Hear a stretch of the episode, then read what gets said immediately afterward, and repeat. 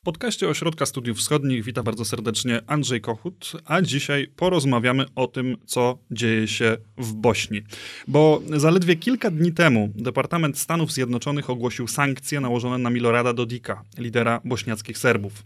W uzasadnieniu pojawiają się zarzuty korupcji, bo Dodik miał zgromadzić znaczny majątek, biorąc łapówki i tworząc klientelistyczne sieci powiązań, ale nie mniej ważne wydają się zarzuty polityczne. Zdaniem Amerykanów Dodik zagraża suwerenności, stabilności i integralności terytorialnej swojego kraju. Te oskarżenia mogą mieć związek z faktem, że kilka tygodni temu legislatura Republiki Serbskiej, w której ugrupowanie Dodika ma większość, zdecydowała, że republika powinna powinna mieć swoje własne sądownictwo, swój własny system podatkowy, a nawet swoją armię. To zaś mogłoby oznaczać faktyczny koniec Bośni i Hercegowiny w jej obecnym kształcie. I dlatego przyszedł czas na poważną rozmowę o tym, co dzieje się na Bałkanach. Dlatego jest dzisiaj ze mną Marta Szpala, analityczka Ośrodka Studiów Wschodnich, zajmująca się Bałkanami właśnie. Witam cię serdecznie. Dzień dobry. To jest podcast Ośrodka Studiów Wschodnich.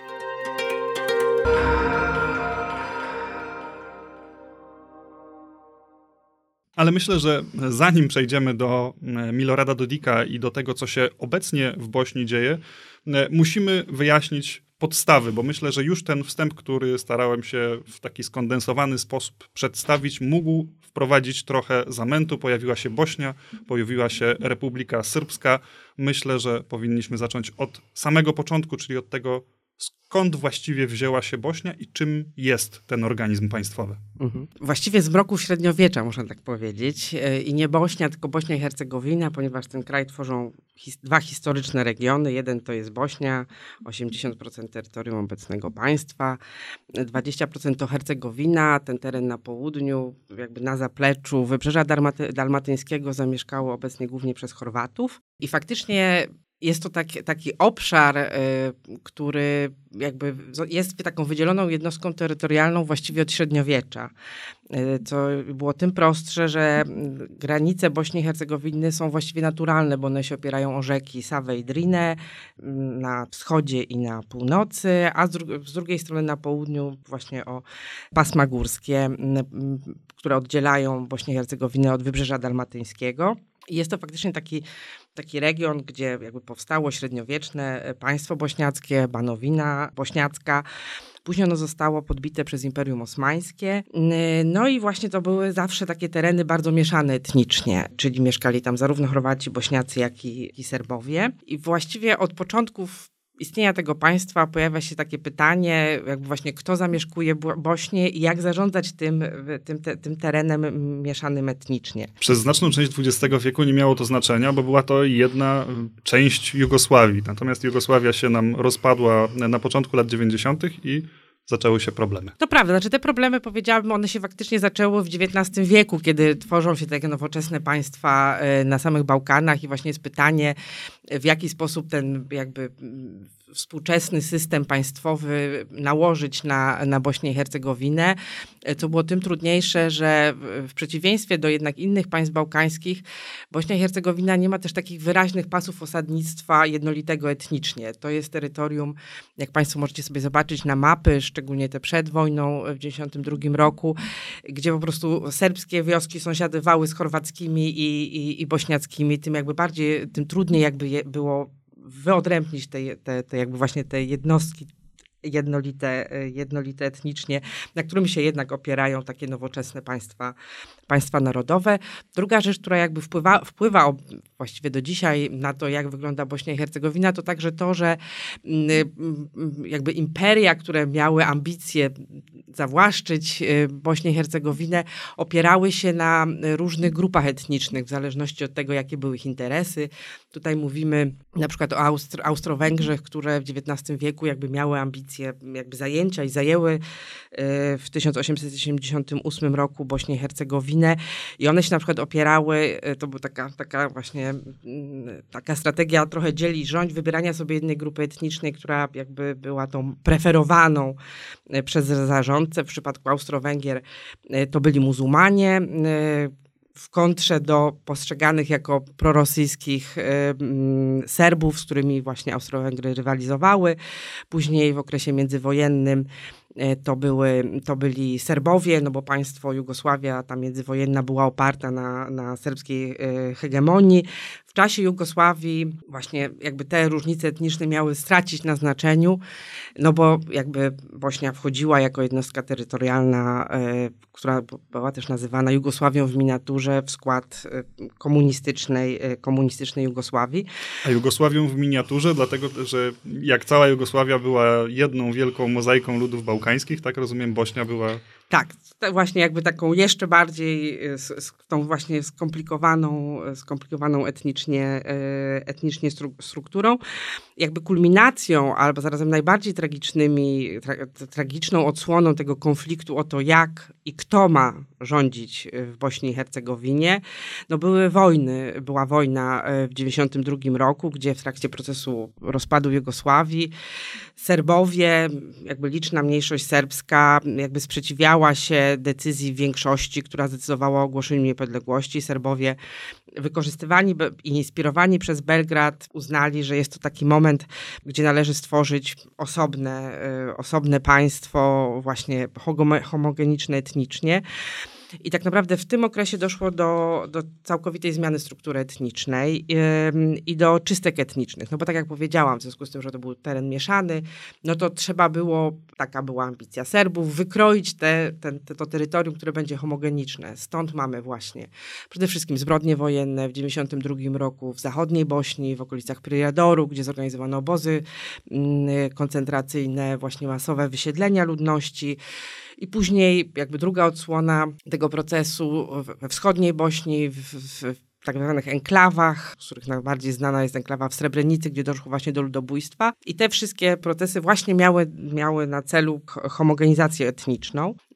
No i właśnie, przychodzi pokój, trzeba tą sytuację uporządkować. Powstaje w wyniku pokoju z 1995 roku współczesna Bośnia i Hercegowina, Jaka to jest e, konstrukcja i w jaki sposób ona stara się zażegnać te konflikty, które istniały tam no, co najmniej od XIX wieku? E, to prawda. Znaczy, porozumienie pokojowe z Dayton, które zakończyło wojnę w 1995 roku, jakby integralną częścią tego porozumienia jest konstytucja e, Bośni i Hercegowiny, która miała właśnie odpowiadać na to pytanie, jak zarządzać terenami takimi właśnie mieszanymi etnicznie, jak pogodzić z jednej strony te tendencje Bośniaków, którzy żądali unitarnego państwa, a zarazem ochronić prawa mniejszości, czyli właśnie Serbów, y, Serbów i Chorwatów. Zgodnie z takim najnowszym spisem powszechnym, który się odbył w 2013 roku, to Bośniacy właśnie tworzą większość. To jest symbolicznie 50%, 50% przecinek 11, znaczy tak, 50%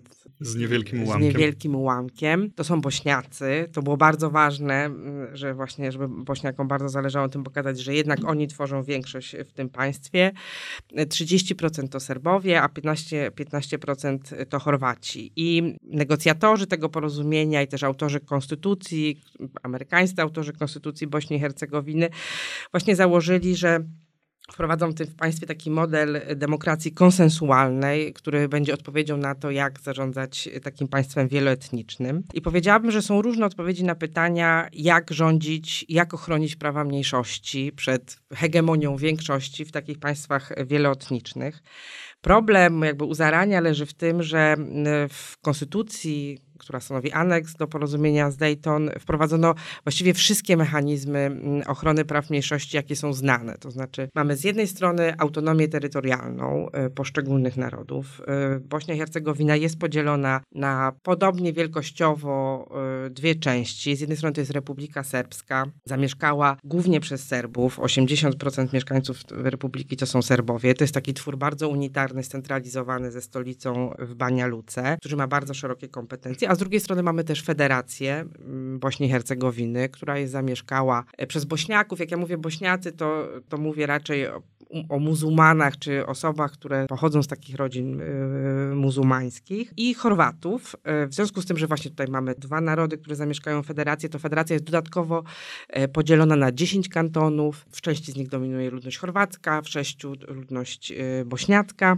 Porządkując, bo myślę, że ktoś, kto słucha, a nie widzi, może się w tym gubić, jest Republika Syrbska, która nie ma nic wspólnego z Serbią, to jest część obecnej Bośni i Hercegowiny. Jest e, Federacja Bośni i Hercegowiny, która jest tą, tym drugim komponentem e, tego państwa i właśnie ten komponent jest zamieszkiwany przez Chorwatów i Bośniaków, którzy między siebie dzielą e, kantony, z których składa się federacja.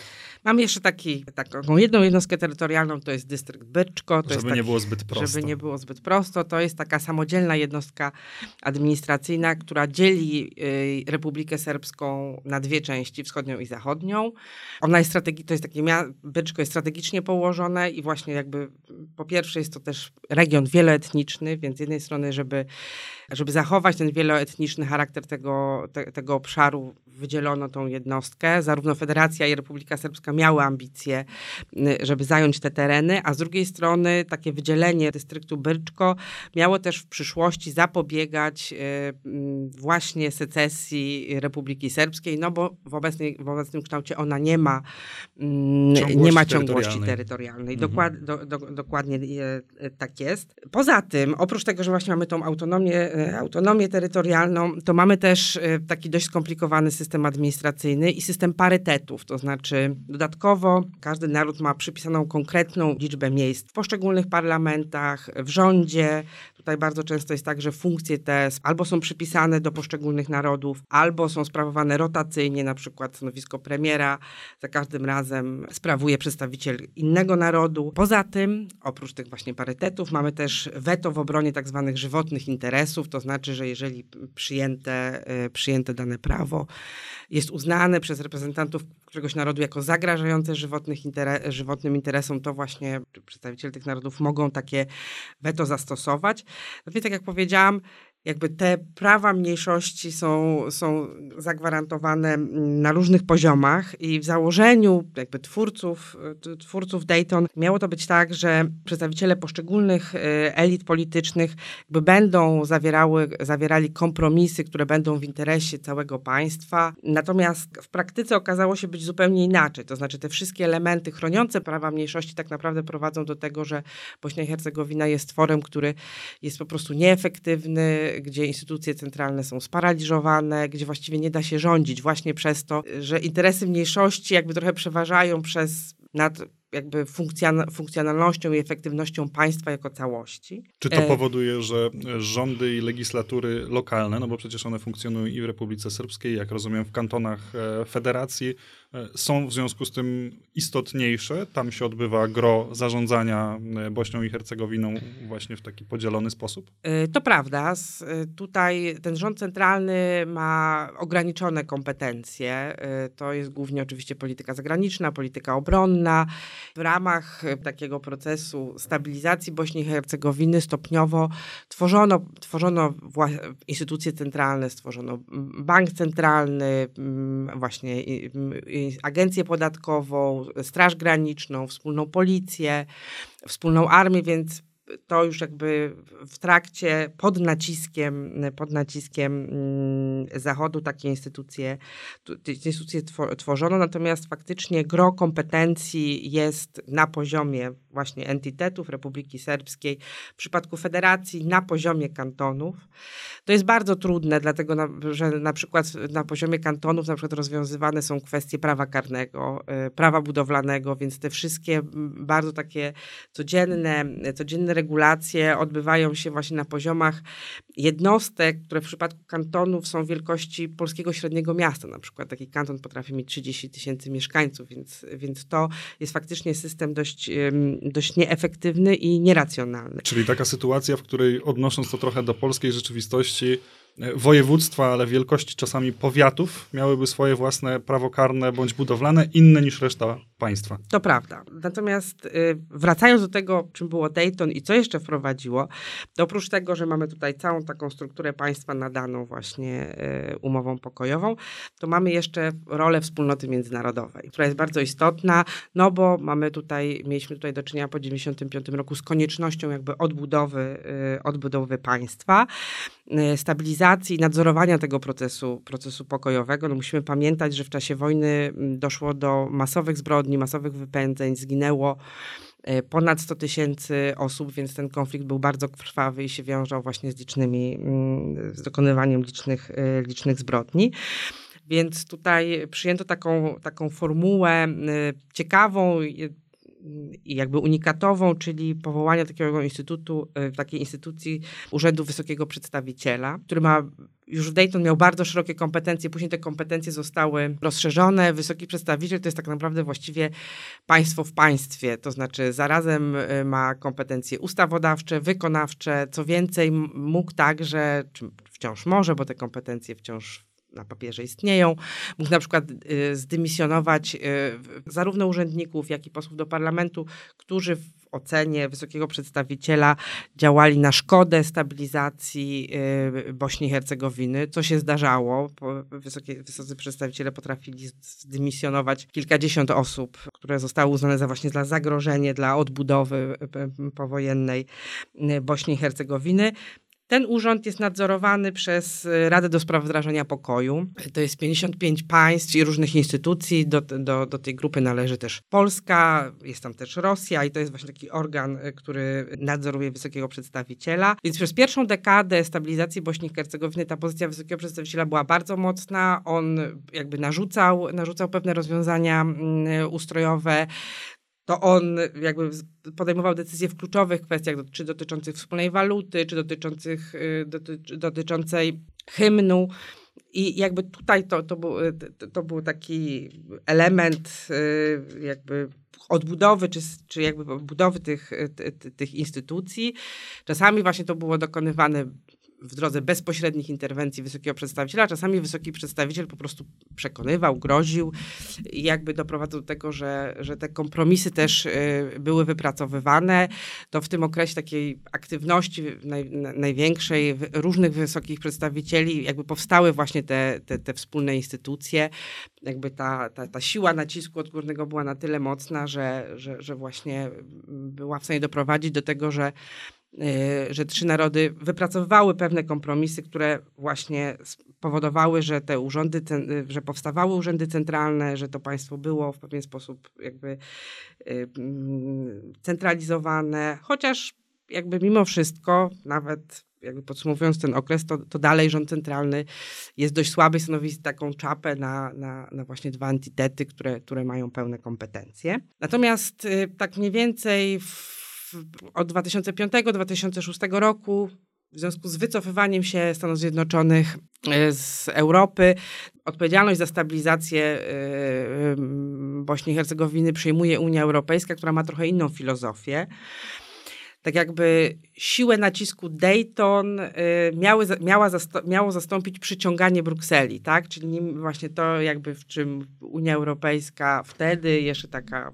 w pełni swojej, swojej mocy przekonana, że obietnica członkostwa wymusi na, y, na elitach Bośni i Hercegowiny osiąganie kompromisów i to miał, to miał być ten główny mechanizm. Znaczy Unia jakby zakładała, że, że teraz już nadszedł ten czas, kiedy to główny proces jakby budowy państwa, budowy sprawnych instytucji coraz bardziej efektywnych, odpowiedzialność za to zostanie przekazana na odpowiednim naro znaczy narodom, które tworzą, tworzą Bośnię i Hercegowinę, a ta zachęta w postaci członkostwa w Unii Europejskiej będzie na tyle silna, że ona spowoduje, że właśnie narody te będą jakby z, w imię Unii, członkostwa w Unii Europejskiej będą skłonne do osiągania, e, osiągania kompromisów. Ja bym powiedziała tak, że Unia Europejska nie wzięła pod uwagę dwóch kwestii. To znaczy, po pierwsze, że sam proces właśnie integracji europejskiej nie jest neutralny dla tej struktury państwa bośniackiego, czyli sam proces integracji wymusza właśnie centralizację, przekazywanie kompetencji na poziom centralny. Poza tym, no jakby integracja europejska wymusza harmonizację, czyli jakby też było takie założenie, że poszczególne narody czy poszczególne jednostki terytorialne no jakby będą musiały harmonizować prawo, no bo tego, bo ono musi być dostosowane do, do wymogów Euro Unii Europejskiej. No więc było założenie takie, że no, może jakby y, liderzy nie potrafią się porozumieć, no ale w związku z tym, że że wszędzie będą panowały zasady unijne, to one będą w, w całym państwie takie same. Tak tego niestety nie postrzegają, czy tak, tak tego nie postrzegali Serbowie. No oni jednak postrzegają ten właśnie proces integracji europejskiej jako coś, co wymaga od nich zrzeczenia się pewnych kompetencji na poziom, poziom centralny. Stąd jakby pewien bardzo duży dystans do, do właśnie do procesu integracji europejskiej. I w momencie, kiedy ta perspektywa stawała się coraz bardziej mglista i w tym momencie jest już jakby bardzo mglista, bo jakby nie wiemy, kiedy Bośnia i Hercegowina i czy w ogóle kiedykolwiek zostanie członkiem Unii Europejskiej, no to tym, tym bardziej y, jakby elity polityczne były raczej zainteresowane właśnie obroną swoich interesów, a niekoniecznie właśnie harmonizacją. Stąd ten proces przebiega y, bardzo powoli. Bośnia złożyła wniosek o członkostwo w 2016 roku, wciąż e, nie uzyskała statusu kandydata do Unii Europejskiej. Drugi, drugi problem związany z tą filozofią Unii Europejskiej, mm, z tym podejściem Unii Europejskiej do Bośni i Hercegowiny y, jest taki, że Unia Europejska nie była e, spójna i nie była konsekwentna. To znaczy, mamy różne kraje, różne wizje i też jakby państwa, państwa Unii Europejskiej też nie miały jakiejś takiej jednej koncepcji, jak Bośnia i Hercegowina ma wyglądać jako państwo, jako państwo kandydackie w samej Unii Europejskiej. Były spory czy faktycznie y, y, konieczna jest taka właśnie duża centralizacja państwa, zanim, zanim Bośnia mm, zostanie członkiem Unii Europejskiej. To powodowało, że Unia Europejska bardzo często stawiała warunki, a w momencie, kiedy elity polityczne nie osiągały tego kompromisu, to się wszystko przedłużało, mm, nie były one spełniane, to się z nich wycofywała. Co też jakby uczyło elity polityczne, że jeżeli tylko będą jakby bardzo mocno opierać się tym, co Unia im narzuca, no to jakby ona w końcu, w, końcu, w końcu zrezygnuje. No i faktycznie tak było bardzo często, a przez ostatnią dekadę, kiedy Unia Europejska jest coraz bardziej pogrążona e, we swoich własnych konfliktach, no tutaj jakby sama kwestia integracji Bośni i Hercegowiny e, spadła na bardzo, na, na, na, na, dalszy plan i tak właściwie przez ostatnią dekadę nie mieliśmy jakichś takich prób faktycznie zaangażowania e, unijnego w Bośni. Bośnia i Hercegowina funkcjonuje jakby w ramach właśnie tej e, struktury, e, struktury w Dayton, która jak teraz się komentuje, jest do, była dobra, żeby zakończyć wojnę, to znaczy, żeby faktycznie na pewien moment odseparować e, poszczególne, poszczególne narody, ale jest bardzo zła na czasy pokoju, czy właśnie integracji europejskiej, jako taka struktura bardzo nieefektywna. A drugą rzeczą jest to, że jakby narody Bośni i Hercegowiny jakby nie osiągnęły konsensusu właśnie, żeby odpowiedzieć na pytanie, kto, ma, kto i jak ma rządzić, rządzić Bośnią. Bośniacy preferują y, y, unitarny charakter państwa, czyli właśnie z silną władzą centralną, domagają się w takiej maksymalnej wersji likwidacji kantonów, jakby stworzenia właśnie takiego y, unitarnego państwa w takiej wersji minimum to jest jakby bardzo poważne osłabienie kompetencji czy autonomii entitetów. Z kolei Serbowie jakby kluczowym jakby interesem Serbów jest obrona Republiki Serbskiej jako takiej jednostki terytorialnej, która w bardzo dobry sposób zabezpiecza interesy tej wspólnoty. Mamy też Chorwatów, których sytuacja, możemy powiedzieć, że z tak punktu widzenia jakby chorwackiej społeczności jest najgorsza, no bo Chorwaci nie, nie dysponują swoją własną jednostką terytorialną, więc oni by chcieli i w ostatnich latach coraz bardziej to y, wyrażają, powołania własnej trzeciej, y, trzeciego entitetu, równoważnego, i to napięcie pomiędzy tym, jak uczynić państwo bardziej efektywne, a z, a z drugiej strony, jak pogodzić te, te, te, właśnie sprzeczne wizje tego, jak państwo ma wyglądać, to jest coś, co jakby porządkuje, czy, czy jest jakby takim głównym motywem tego, co się dzieje w Bośni i Hercegowinie. Y, druga rzecz, która jest jakby problematyczna, która dzieli bardzo społeczeństwa, to jest kwestia oceny przeszłości y, i interpretacja tego, co się w Bośni i Hercegowinie mm, zdarzyło, szczególnie w czasie ostatniej wojny, a z drugiej strony właśnie mm, komemoracja tej przeszłości, czyli z jednej strony mamy takie, taką bośniacką strategię budowania tożsamości międzynarodowej na y, zbrodniach dokonanych przez Serbów, na Srebreni w Srebrenicy, w Sarajewie, w, właśnie w Prijedorze, to jest jakby coś, co, co organizuje Mm, jakby tożsamość, jest jakby, jakby kluczowy, jednym z kluczowych elementów tej bośniackiej tożsamości, a z drugiej strony mamy Serbów, którzy dokonywali tych zbrodni. I czymś, co, o czym się czasem mówi, że, że władze Republiki Serbskiej gwarantują Serbom spokój sumienia, czyli to, że właśnie oni nie są pociągani do odpowiedzialności y, za zbrodnie Hercegowi, za zbrodnie, które zostały dokonane, że tutaj te zbrodnie są relatywizowane, na pierwszy plan w Republice Serbskiej są y, wysuwane te zbrodnie, które z kolei bośniackie siły dokonały na, na, na Serbach, bo one oczywiście też miały miejsce, aczkolwiek tutaj skala jest nieporównywalna, y, jeśli porównamy liczby, no bo w czasie wojny zginęło 30 tysięcy cywilów y, po stronie bośniackiej, tak, 10 tysięcy w Sarajewie, 8 tysięcy w Srebrenicy. W przypadku Republiki Serbskiej te liczby są, są o wiele mniejsze. Czyli można powiedzieć, dla Serbów Republika Serbska, dla Serbów zamieszkających Bośnię i Hercegowinę, Republika Serbska jest gwarantem E, utrzymania tych praw, które mają, ale w ostatnim czasie zaczęli oczekiwać, że będzie to również coś więcej. I tak wracamy do e, tego, co e, trochę streściłem na początku tej naszej rozmowy, czyli lidera Serbów bośniackich Milorada Dodika i jego ostatnich działań. Co dokładnie się wydarzyło w tych ostatnich mhm. tygodniach?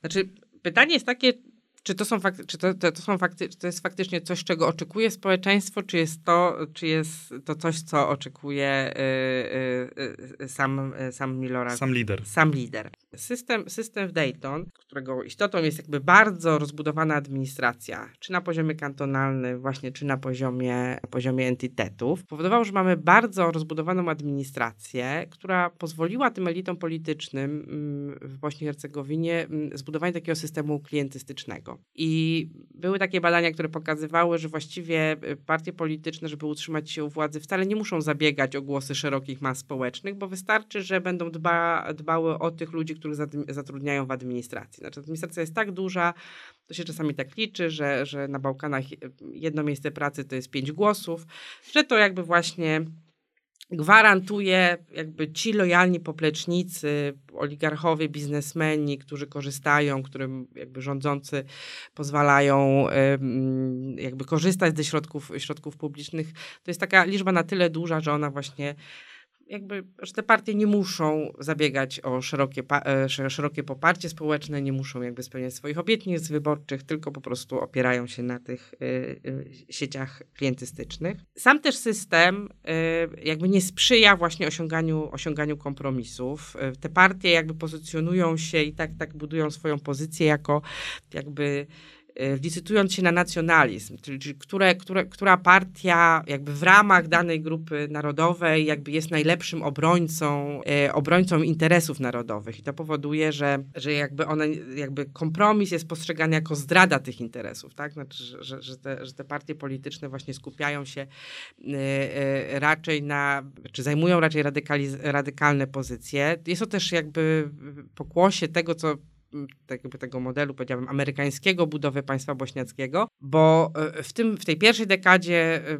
funkcjonowania Bośni i Hercegowiny e, liderzy polityczni doskonale wiedzieli, że jeżeli oni sami nie osiągną kompromisu, to zawsze przyjdzie wysoki przedstawiciel i go narzuci to powodowało, że oni bardziej byli zainteresowani właśnie radykalizacją swoich podstaw, przedstawianiem się jako, jako obrońcy, a nie jakby... Politycy współpracujący w ramach jednego tak, państwa. Tak, żeby, żeby dbać o spójność, y, jakby o spójność Bośni, y, Bośni i Hercegowiny. Czyli z tego punktu widzenia Milorad Dodik nie jest e, fenomenem e, wyłącznie serbskim, tylko politykiem wpisującym się w pewien klucz e, sceny politycznej w Bośni i Hercegowinie. Tak, to prawda. Natomiast y, jakby w Bośni tutaj w ramach właśnie tych jakby równoległych systemów klientystycznych, no, y, jakby y, ta sytuacja w samej Republice Serbskiej, ale też wśród, wśród, wśród Chorwatów jest najbardziej problematyczna, ponieważ faktycznie pozycja Dodika Dodik jest, tak wychodzi z, z, wyników wyborów, jest niekwestionowanym liderem y, y, Republiki Serbskiej. Y, rządzi w, tym, rządzi w tym entitecie od 2006 roku. Podobnie jest w przypadku społeczności chorwackiej, gdzie taką dominującą pozy pozycję ma partia Chorwacka Wspólnota Demokratyczna, czyli właśnie HDZ-BIH. Trochę inaczej jest w przypadku Bośniaków, bo tam mamy faktycznie różne konkurujące, konkurujące ze sobą partie, ten pluralizm jest większy, ale dokładnie tak jest, że, że jakby z jednej strony mamy instytucje, które powstały w Dayton, a z drugiej strony, szczególnie w ostatnich latach, mamy tak zwany triumvirat liderów nacjonalistycznych partii. HDZ-BIH, Związku Niezależnych Socjaldemokratów, czyli właśnie partii Dodika e, e, i Dodika samego, e, który właśnie ma reprezentować liderów, a z drugiej strony Bakira Izetbegowicia, czyli syna, syna zmarłego prezydenta, twórcy, twórcy Bośni i Hercegowiny, który jest liderem Partii Akcji Demokratycznej. I tak naprawdę w kontekście tego triumviratu podejmowane są kluczowe decyzje mm, dotyczące Bośni i Hercegowiny. Na pozór te elity są bardzo, bardzo sobą skonfliktowane. Tak, mamy te, te problemy, o których mówiliśmy. Natomiast to, co ich łączy, jakby wspólny, wspólny, wspólnym interesem jest to, żeby się właśnie utrzymać u, u władzy. A ten skomplikowany system administracyjny, czy wszelkie reformy, które można byłoby wprowadzić, one byłyby naruszeniem pozycji tych, e, tych e, elit politycznych. Co więcej, te elity polityczne tak naprawdę e, jakby wzajemnie się też chronią i w przypadku na przykład jakby podejmowania działań przez, przez instytucje, przez wymiar sprawiedliwości, czy przez policję centralną, które mają na celu na przykład rozliczenie, rozliczanie czy pociągnięcie odpowiedzialności yy, poszczególnych liderów, no to jakby te wzajemnie, wzajemnie są, są blokowane, blokowane te działania. Więc dokładnie tak jak powiedziałeś, że z jednej strony Milorad Dodik jest, y, jakby wpisuje się w ten jakby system rządzenia y, Bośnią i Hercegowiną, natomiast jego działania i działania w mniejszym stopniu y, polityków chorwackich E, są, bardzo negatywnie wpływają na spójność samego państwa. No właśnie, bo e, mówisz o tym, że te elity nacjonalistyczne w każdej z tych trzech grup dążą do utrzymania pewnego status quo, że są niechętne zmianom i reformom. Tymczasem to, co zaproponował Dodik w ramach Republiki Serbskiej, brzmi jak bardzo radykalna reforma i znaczne naruszenie status quo, gdyby Republika Serbska miała przejąć e, tak kluczowe komponenty e, tej, tego wspólnego państwa, jak e, armia, wymiar sprawiedliwości czy, czy kwestie opodatkowania. To prawda, znaczy to, co teraz proponuje Dodik, tak naprawdę on o tym mówi od lat. Znaczy to jest odkąd przejął władzę w 2006 roku, jakby mamy do czynienia e, z tymi samymi hasłami, tylko one w tym momencie jakby zawsze to były raczej groźby, a w tym momencie to jest już jakby taka podjęcie konkretnych, bardzo re realnych kroków, które mają właśnie, jak sam Dodik mówi, zagwarantować Republice Serbskiej suwerenność, y, niezależność w ramach Bośni i Hercegowiny. On bardzo tutaj unika y, słowa niepodległość, no bo wie, że to jest takie słowo, które jakby bardzo, y, na które bardzo negatywnie reaguje szczególnie Zachód. Natomiast właśnie używanie takiego, takiego sformułowania, takie, takie, takiej frazy suwerenność w ramach BIK, no wydaje się być jakby mniej niebezpieczne. Natomiast de facto oznacza to samo, to znaczy Milorad Dodik yy, proponuje, czy, czy to, co, co w ostatnim, przez ostatnie pół roku te kroki, które podjęły władze, władze Republiki Serbskiej, one tak naprawdę oznaczają po pierwsze zaprzepaszczenie y, tego wysiłku wieloletniego budowy wspólnych instytucji, budowy wspólnego państwa, zniszczenie tego systemu bardzo, e, posiadającego bardzo wiele mankamentów, ale jednak systemu, systemu e, konstytucyjnego w Bośni i Hercegowinie. E, po trzecie, co jest problematyczne, no to on to robi w, jakby w drodze jednostronnych działań, tak? Znaczy, to nie jest jakby element kompromisu, nie, nie jest to element jakiegoś takiego właśnie E, jakby uzgodnienia, tylko, tylko jest to jakby w drodze jednostronnych działań, co jakby z jednej strony jest zakazane e, konstytucją PIK, to znaczy to, co, to, co on proponuje, to jakby nie przewiduje taki, taki, takiego trybu, try, trybu sama, sama konstytucja. Natomiast no jest to taka, ja, ja bym powiedziała, że to jest taka stała strategia Dodika y, od, y, od przejęcia władzy. To znaczy w momencie, kiedy on przejął władzę y, w 2006 roku, to tak naprawdę właśnie z jednej strony jakby odwołując się do takiej bardzo silnej retoryki separatystycznej, nacjonalistycznej, też zarządzania strachem, bo to jest, takie, to jest taka polityka utrzymywania mm, czy wykorzystywania, instrumentalnego wykorzystywania realnych obaw Serbów. Znaczy Serbowie w Bośni faktycznie obawiają się tego, że tej hegemonii bośniackiej, tak? E, tego, że po prostu zabierze się im tą, e, tą, tą, tą jednostkę terytorialną, zabierze, zabierze, się, zabierze się im tą autonomię. Natomiast Dodik doprowadził do tego, że właściwie jego osobiste interesy, czy osobiste interesy elity politycznej Republiki Serbskiej, Dodika, osób z nim powiązanych, jego popleczników, zostały utożsamione z interesem wspólnoty. Znaczy atak na Dodika jest w narracji, w narracji tej partii jest, y, jest uznawany za atak na, na społeczność całą serbską. Więc jakby te, te obawy w społeczeństwie są, a Dodik je instrumentalizuje, właśnie powoduje, że utrzymując Serbów w przekonaniu, że największym zagrożeniem dla nich są Bośniacy. Gwarantuje im też właśnie ochronę przez rozliczeniami. Tutaj stąd wynikały te wszystkie ataki Milorada Dodika na, na wymiar sprawiedliwości, tak? No bo to właśnie chodziło o to, tak naprawdę Milorad Dodik chciał być bezkarny, to znaczy chciał, można brutalnie powiedzieć, kraść, y, czy, czy jakby właśnie tutaj chronić swoje, swoje systemy, swój system klientystyczny, właśnie praktyki korupcyjne, praktyki nepotyczne.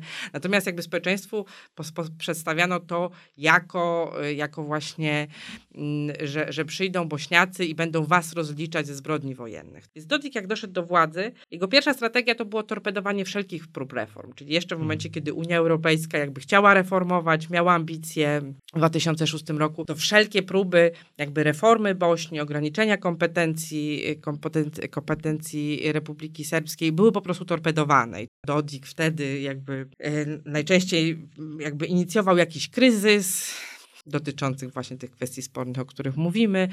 No i jakby Unia się wycofywała. Później zmęczona tym, że, że jakby nic się nie da w Bośni i Hercegowinie przeprowadzić. Takie, takie jest też poczucie w Brukseli, że to jest taki kraj, w którym się da nic zreformować. No po prostu zrezygnowała, z, zrezygnowała e, z takiej w ogóle prób.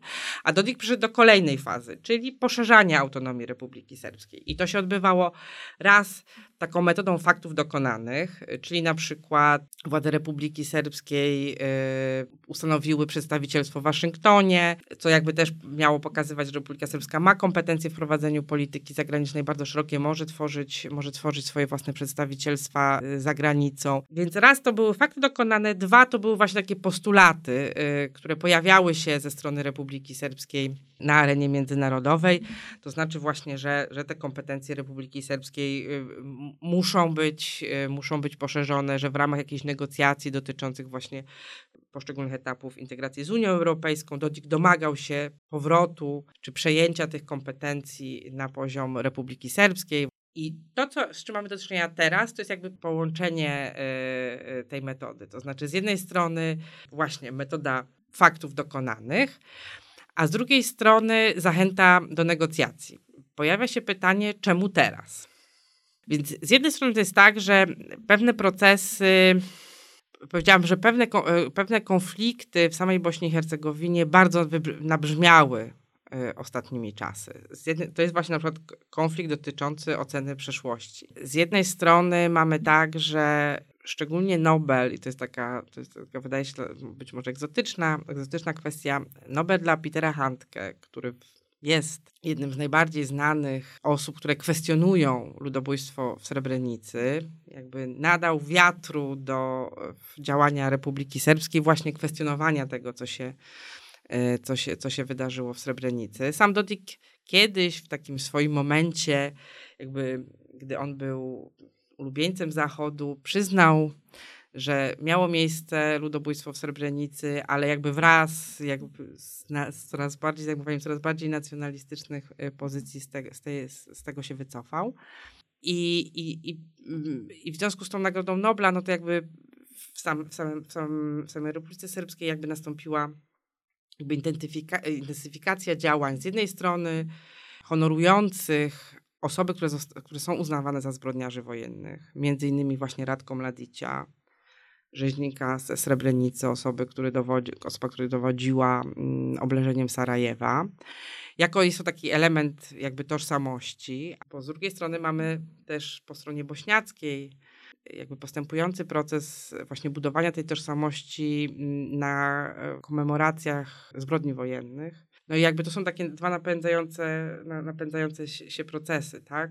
które jakby też bardzo mocno dzielą społeczeństwo, bo z jednej strony Bośniacy jakby coraz wyraźniej upamiętniają tamte zbrodnie, z drugiej strony Serbowie starają się uciekać przed tak. odpowiedzialnością i oskarżeniami o popełnienie tychże. Tak, no więc jakby to jest taki problem, który faktycznie, faktycznie narastał. To jest jedna rzecz. Druga rzecz to, je, to jest też to, że, że, że jakby Dodik coraz bardziej szedł, y, szedł coraz dalej mm, jakby w przejmowaniu pewnych kompetencji. Tutaj taką kwestią sporną jest właśnie kwestia mienia i nieruchomości. I on jakby, Republika Serbska przyjmowała, pod, albo podpisywała umowę, albo przyjmowała, przyjmowała pewne akty, które, mm, które miały na celu jakby przejęcie tych nieruchomości. Natomiast te decyzje blokował Trybunał Konstytucyjny. Trybunał Konstytucyjny mm, w Bośni i Hercegowinie jest obsadzony międzynarodowymi sędziami. Jest to takie właśnie ciało, ciało dość niezależne i on te decyzje blokował. Poza tym, y, jakby Republika Serbska jest w dość trudnej sytuacji gospodarczej. Y, mamy sytuację covidową, y, ona jakby negatywnie wpłynęła na sytuację gospodarczą w obu częściach, częściach Bośni i Hercegowiny. Hercegowiny. Tutaj mamy spadek PKB w zeszłym roku o 3,2%. Jakby ludność Bośni, szczególnie Republiki Serbskiej, no jakby coraz, coraz mocniej się buntuje przeciwko takim głodowym pensjom. Y, szczególnie ten kryzys y, uderzył w tą taką szarą strefę, tą drobną przedsiębiorczość, którą znamy, małe sklepiki, małe restauracje, no, co powoduje, że to, że to, y, to niezadowolenie narasta. Poza tym wydaje się, że też ta strategia właśnie grania na tych nacjonalistycznych nutach zaczyna się trochę wypalać. Znaczy według, według wszystkich badań, to dotyczy całej Bośni i Hercegowiny, ale w Republice Serbskiej paradoksalnie jakby ten unitarny charakter Republiki Serbskiej ze scentralizowaną władzą pozwala jakby konkretnych... Łatwiej wskazać winnego. Tak, łatwiej wskazać winnego. Tutaj trudno, po, jakby w federacji to zawsze jest tak, że kantony mówią, że to wina gmin albo wina rządu, rządu federacyjnego. No w Republice Serbskiej mamy jednego lidera, tak? To jest Milorad Dodik i, i jego sojusznicy. A widać, że, że, że społeczeństwo przede wszystkim ma jakby ma dość... Yy, dość skorumpowanych rządów, y, ma dość bezkarności polityków, y, ma dość też bardzo trudnej sytuacji, sytuacji ekonomicznej. Chcę po prostu, żeby politycy zajęli się y, jakby zamiast graniem na nacjonalistycznych nutach, zaczęli się zajmować rozwiązywaniem konkretnych, yy, konkretnych problemów. I to widać we wszystkich badaniach. Znaczy i w Republice Serbskiej, i w Federacji widać, że jak ludzie, jak się pyta mieszkańców, jakby co jest dla ciebie największym problemem, no to odpowiedź jest ekonomia, tak, kwestia gospodarcza, bezrobocie, które jest jakby bardzo wysokie w obu częściach, yy, częściach Federacji jakby częściową odpowiedzią na te problemy jest emigracja. E, Bośnia ma największy, najwyższy współczynnik migracji. E, tutaj ta skala jest, jest w przypadku Bośni bardzo wysoka. W 2018 roku mieliśmy bardzo duże protesty, które się przytoczyły przez RS, które widać było, że były jakby zagrożeniem dla pozycji, pozycji Dodika. To były jakby po pierwsze największe tego typu protesty w Banialuce, po drugie były jakby, miały one stricte jakby antyrządowy charakter e, i one jakby z jednej strony y, i były właśnie jakby głównym takim postulatem był, było skończenie z bezkarnością polityków, którzy jakby są powiązani ze strukturami przestępczymi, właśnie z tym systemem klientystycznym jakby obywatele domagali się, domagali się zmiany. Dodik wprawdzie wygrał później wybory, natomiast wymagało to od niego jakby bardzo dużego, albo zdecydowanie większego niż zwykle zaangażowania tak zwanych resursów administracyjnych. Z jednej strony to było po prostu zastraszanie ludzi. E, Dodik sam osobiście w kampanii wyborczej powiedział, że każda osoba, która nie będzie głosowała na partię rządzącą, zostanie zwolniona.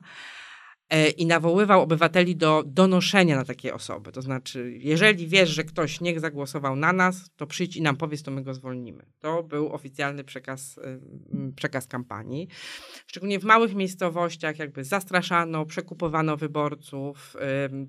Jakby oczywiście też poszedł za tym pakiet socjalny, jakby, ale widać było, że, że ta wygrana jest jakby okupiona, e, kupiona jakby dużym zaangażowaniem, że, że to już nie wystarczy powiedzieć, grożą, gro, grozi, grozi nam hegemonia bośniaków, ale jakby już trzeba bardzo mocno się zaangażować i pilnować jakby każdej osoby, żeby ona zagłosowała, zagłosowała odpowiednio. Jakby kolejna rzecz jest taka, że w 2020 roku odbyły się w RS-ie wybory lokalne i te wybory kandydat partii rządzącej przegrał. To znaczy w tym momencie w Banialuce, symbolicznej stolicy Republice, Republicy, Republiki Serbskiej, rządzi opozycja. No, Pania Luka jest jakby stolicą, tam jest najwięcej osób, które jakby nie są aż tak bardzo uzależnione od administracji i właśnie to jest też, to taki, to jest też taki obraz jakby niezadowolenia społecznego.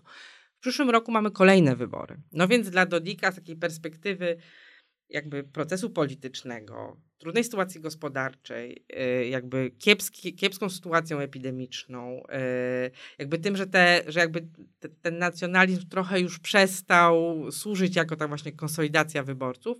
Ucieka do przodu. Ucieka do przodu. Powoduje kryzys, który znowu podzieli społeczeństwo Bośni i Hercegowiny po liniach narodowych, w związku z czym wzmocni poparcie dla nacjonalistycznej oczywiście, władzy. Oczywiście, bo jeżeli na przykład się okaże, że on faktycznie wywalczy szeroką autonomię, no to będzie bohaterem narodowym. E, I to, I to jest jedna rzecz. Druga rzecz to są też oczywiście sprzyjające, e, sprzyjająca sytuacja międzynarodowa. Znaczy, z jednej strony Unia Europejska już jest jakby coraz mniej zainteresowana Bośnią i Hercegowiną. Jakby Bałkany są na jakby ostatnim z priorytetów tym, co, czym by się Unia chciała, e, chciała zajmować. Mamy nowy rząd w Niemczech, z drugiej bardzo też jakby Boś, Bośniacy szczególnie, y, bardzo duże nadzieje wiązali z prezenturą Joe Bidena. Joe Biden jako senator był bardzo zaangażowany w Bośni Hercegowinie, w Bośni Hercegowinie. Jego współpracownicy dość dobrze znają ten region, no więc była taka taka nadzieja, że właśnie Joe Biden, tak, tutaj, y, który nas ratował, y, który nam pomagał w czasie wojny, to on teraz przyjdzie i jakby wreszcie zrobi porządek. To się nie wydarzyło, to znaczy... Biden ma inne problemy. Tak, Biden ma inne problemy, że, że jakby w ramach takiej pragmatyki rządzenia, no jakby nie, nie, nie, jest, to taki, nie jest to taki priorytet, priorytet y, dla Waszyngtonu. No więc jakby z jednej strony właśnie mamy Waszyngton, a z drugiej strony mamy też Rosję, która jakby bardzo bardzo chętnie szuka kolejnych pól konfliktu z Zachodem. I rozumiem, udziela pełnego poparcia udziela... wszelkim żądaniom Milorada Dodika. Tak, no więc jakby, więc zarówno jakby ta dynamika wewnętrzna przed mhm. wyborami musimy coś zrobić, żeby utrzymać się u władzy, a z drugiej strony ta dynamika zagraniczna, znaczy zanim niemiecki rząd okrzepnie, nie daj Boże, właśnie Amerykanie jednak przyjdą z jakąś koncepcją, bo to długo trwa, ale może jednak. Y, mamy tutaj jeszcze poparcie Rosji, która właśnie bardzo chętnie, chętnie wchodzi w, w taką konfrontację z Zachodem. No jest jakby idealnie, żeby to właśnie przeprowadzić teraz. No jest pytanie też. Skoro prześledziliśmy wszystkich dużych aktorów w polityce międzynarodowej, to wypada zapytać jeszcze o Chiny. Czy mają tutaj jakąś rolę do odgrywa- odegrania i czy ją odgrywają? To prawda. No, Chiny, są, Chiny są bardzo ciekawym graczem, szczególnie, e, szczególnie w, w, kontekście Bośni i Hercegowiny. No bo z jednej strony to jest faktycznie tak, że, że mamy tą konfrontację Zachód, a już na pewno Stany Zjednoczone, a Chiny. No więc jakby Chiny bardzo chętnie torpedują, y, czy torpedowałyby wszelkie działania stabilizacyjne, ale z drugiej strony Chiny w samych Bałkanach, ale i też trochę Bośni i Hercegowinie nie zainwestowały środków finansowych. To oczywiście tutaj głównym partnerem Chin na Bałkanach jest Serbia. Niemniej jednak jakby destabilizacja samej Bośni, mm, jak i jakby całego regionu, no bardzo by negatywnie wpływała na, na interesy chińskie w regionie, tak, tutaj ten, ta słynna koncepcja pasa i szlaku właśnie jakby przez, przez Bałkany y, prze, przechodzi to, to, to, połączenie, szczególnie kolejowe, pomiędzy portem, chińskim portem w Pireusie, a, a rynkami, rynkami Unii Europejskiej. No więc powiedziałabym, że tutaj jest taka trochę strategia y, właśnie taka jak z jednej strony kwestionować zachodnie przywództwo, pokazywać, po, pokazywać swoją, swo, swoją rolę, ale z drugiej strony yy, tak naprawdę yy, jest to też ryzyko destabilizacji, które był, były, byłoby bardzo yy, niebezpieczne dla chińskich interesów w regionie. Dokładnie tak. No to jeszcze jeden aktor, czyli Belgrad. Czyli Belgrad. Jak patrzą Serbowie z właściwej Serbii na to, co dzieje się w Republice Serbskiej? Po pierwsze, z jednej strony to jest tak, że faktycznie Aleksander Vucic, lider Serbii, prezydent, obecnie oficjalnie z ograniczonymi kompetencjami w praktyce, ten, ta osoba, która rządzi całą Serbią, buduje, buduje swoją pozycję jakby na dwóch elementach, yy, czy na trzech może nawet. Z jednej strony to jest tak, to jest takie hasło y, złota, złota era serbskiej gospodarki, to znaczy on pokazuje się na, na, jako ten polityk, który faktycznie, i to się mu udało, po latach jakby stagnacji gospodarczej doprowadził Serbię do tego, że ona jest jakby silna gospodarczo, napływają inwestycje, ale jak wiemy, inwestycje lubią stabilność, nie lubią konfliktów, nawet w krajach, w krajach, krajach sąsiednich. Inwestorzy nie lubią, nie lubią awantur. Y, z drugiej strony Milora, y, Aleksander Vucic przedstawia się jako po pierwsze taki lider, który faktycznie gra na wielu fortepianach. To są bliskie relacje z Chinami, z Rosją, ze Stanami, z Niemcami, z Francją, czyli jakby wszystkie te państwa y, jakby tutaj stara się rozgrywać swoją, wzmacniać swoją pozycję, rozgrywając próbując rozgrywać poszczególnych, y, po, poszczególnych aktorów, ale szczególnie dla Zachodu Aleksander Vucic chce się prezentować jako gwarant stabilności Bałkanów, tak? Znaczy jako ten polityk, który być może nie jest demokratyczny, być może jakby te, tutaj mam, Serbia ma faktycznie problemy i z rządami prawa, i z demokracją, i, i, i z korupcją, i z nepotyzmem, ale przynajmniej jest stabilnie. No więc konflikt w Bośni jakby byłby przekroczeniem tej czerwonej linii, bo, bo Aleksander Vucic by pokazał, że, że wcale nie jest tym gwarantem, gwarantem stabilności e, w, w, oczach, w, w regionie.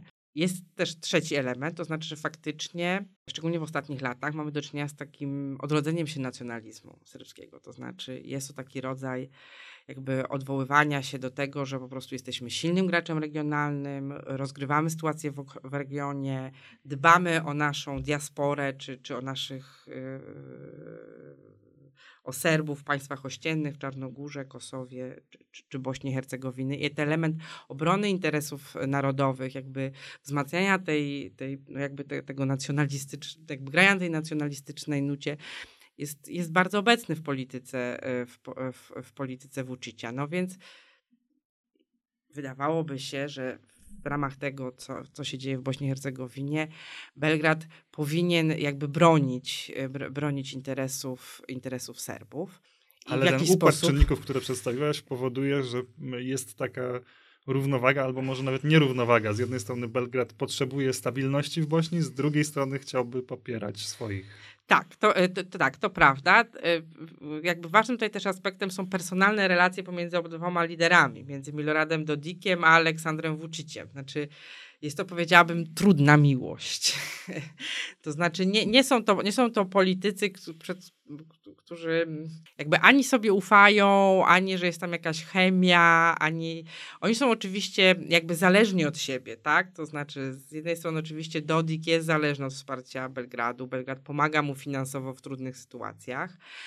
Z drugiej strony, y, jakby dla, dla Dodik, dla Vucic też jakby nie może nie popierać Dodika jako wyraziciela tego, jako tego obrońcę interesów, interesów narodowych Serbii w Bośni i Hercegowinie, jako tą emanację właśnie, właśnie tych serbskich interesów. Natomiast Vucic nie, nie, nie kontroluje Dodika, znaczy jakby jest tutaj widać pewnego taką rodzaju obawę, która się wiąże z tym, jak, jak Serbowie, czy jak Belgrad pamięta konflikt w Bośni i Hercegowinie w latach 90.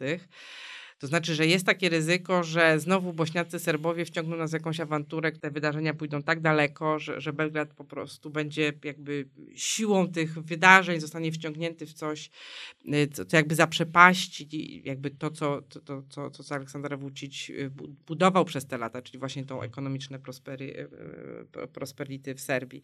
Czyli jakby właśnie jest takie, taka próba balansowania, jak z jednej strony pogodzić jakby tą konieczność stabilności, mm, jakby przedstawienia się jako, jako, jako gwarant pokoju w regionie, a zarazem jakby te, szczególnie te, te, jakby te bardziej nacjonalistyczne części społeczeństwa serbskiego zaspokoić, jeśli chodzi, yy, jeśli chodzi o Bośnię i Hercegowinę. No więc jest to jakby bardzo trudne. I tak znaleźliśmy się przy temacie, który chciałem poruszyć na koniec tej rozmowy, pytając o to, co będzie dalej czy te obawy Belgradu, że może zostać wciągnięty w jakąś awanturę w Bośni i Hercegowinie, awanturę, której wcale nie chce, są realne? Czy Dodik może zrealizować te mm, postulaty poszerzenia autonomii Republiki Srpskiej? A jeżeli nie, to do czego to może doprowadzić? Mhm. To znaczy, na, na pewno jest tak, że elity polityczne Republiki Serbskiej, sam Milorad Dodik, ale też elity polityczne mm, innych narodów nie chcą nowej, no, nowej wojny w Bośni i Hercegowinie.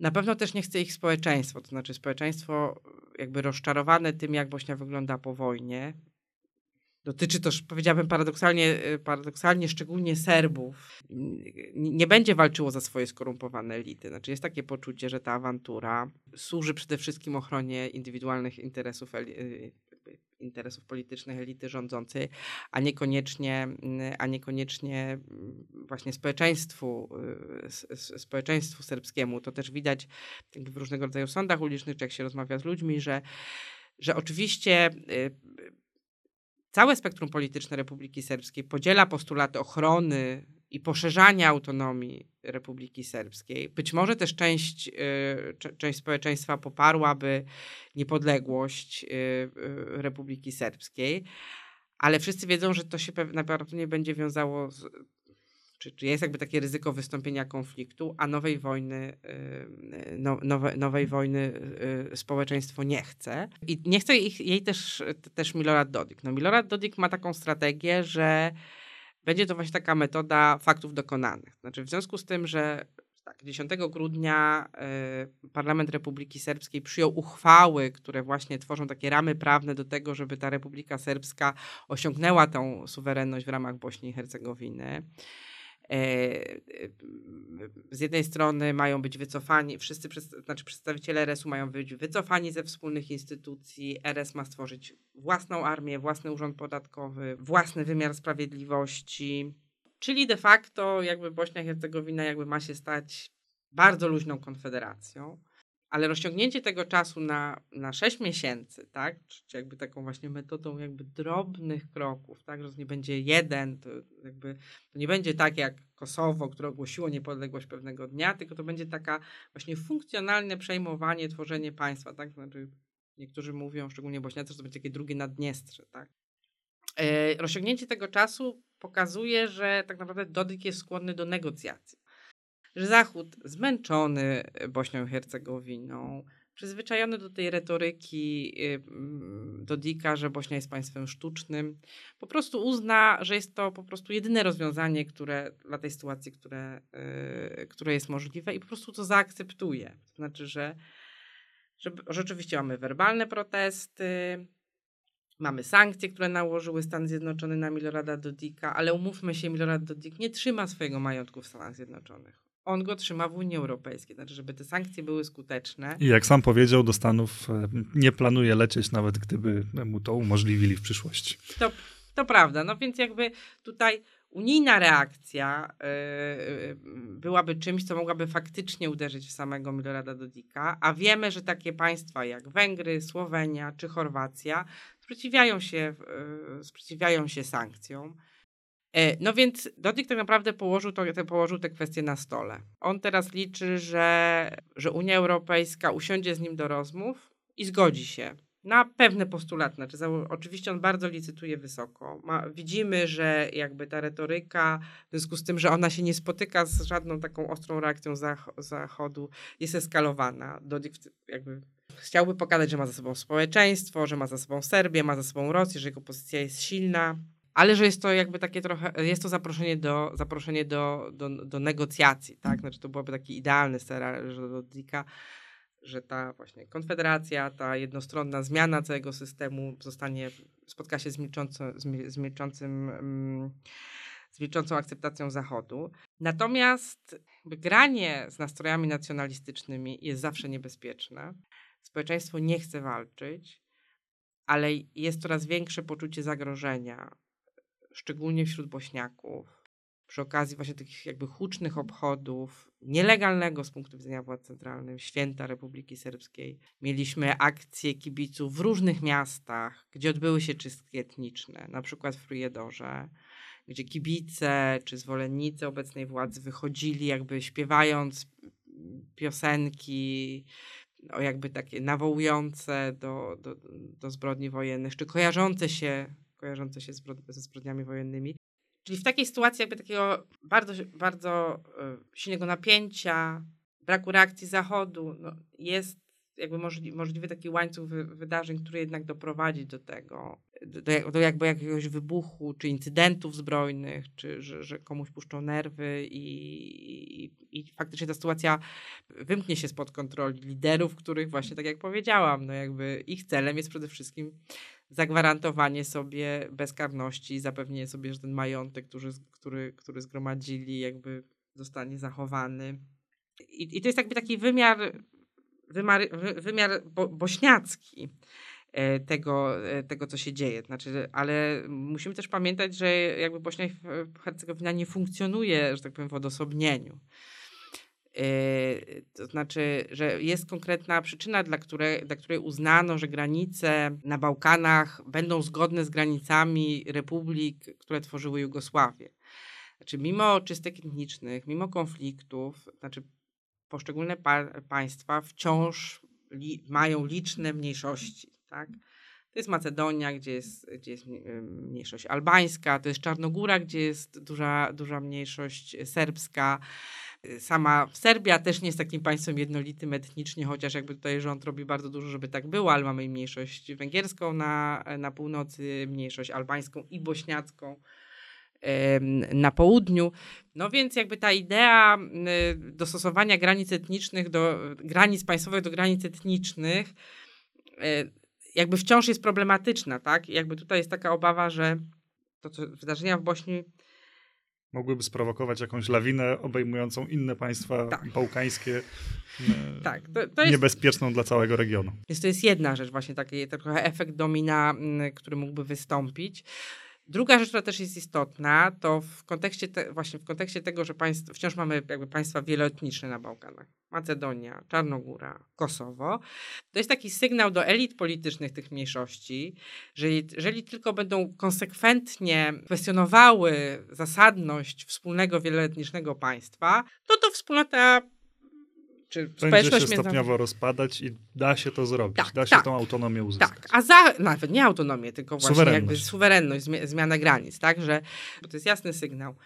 Jak będziecie sabotować władze centralne, będziecie sabotować funkcjonowanie wieloetnicznego, wiele, wieloetnicznego państwa, to Zachód, zmęczony jakby Bałkanami, w końcu pozwoli wam się przyłączyć, przy, przyłączyć do, swoje, do swojego państwa i to będzie miało bardzo negatywne konsekwencje właśnie dla tych trzech państw, o których mówiłam.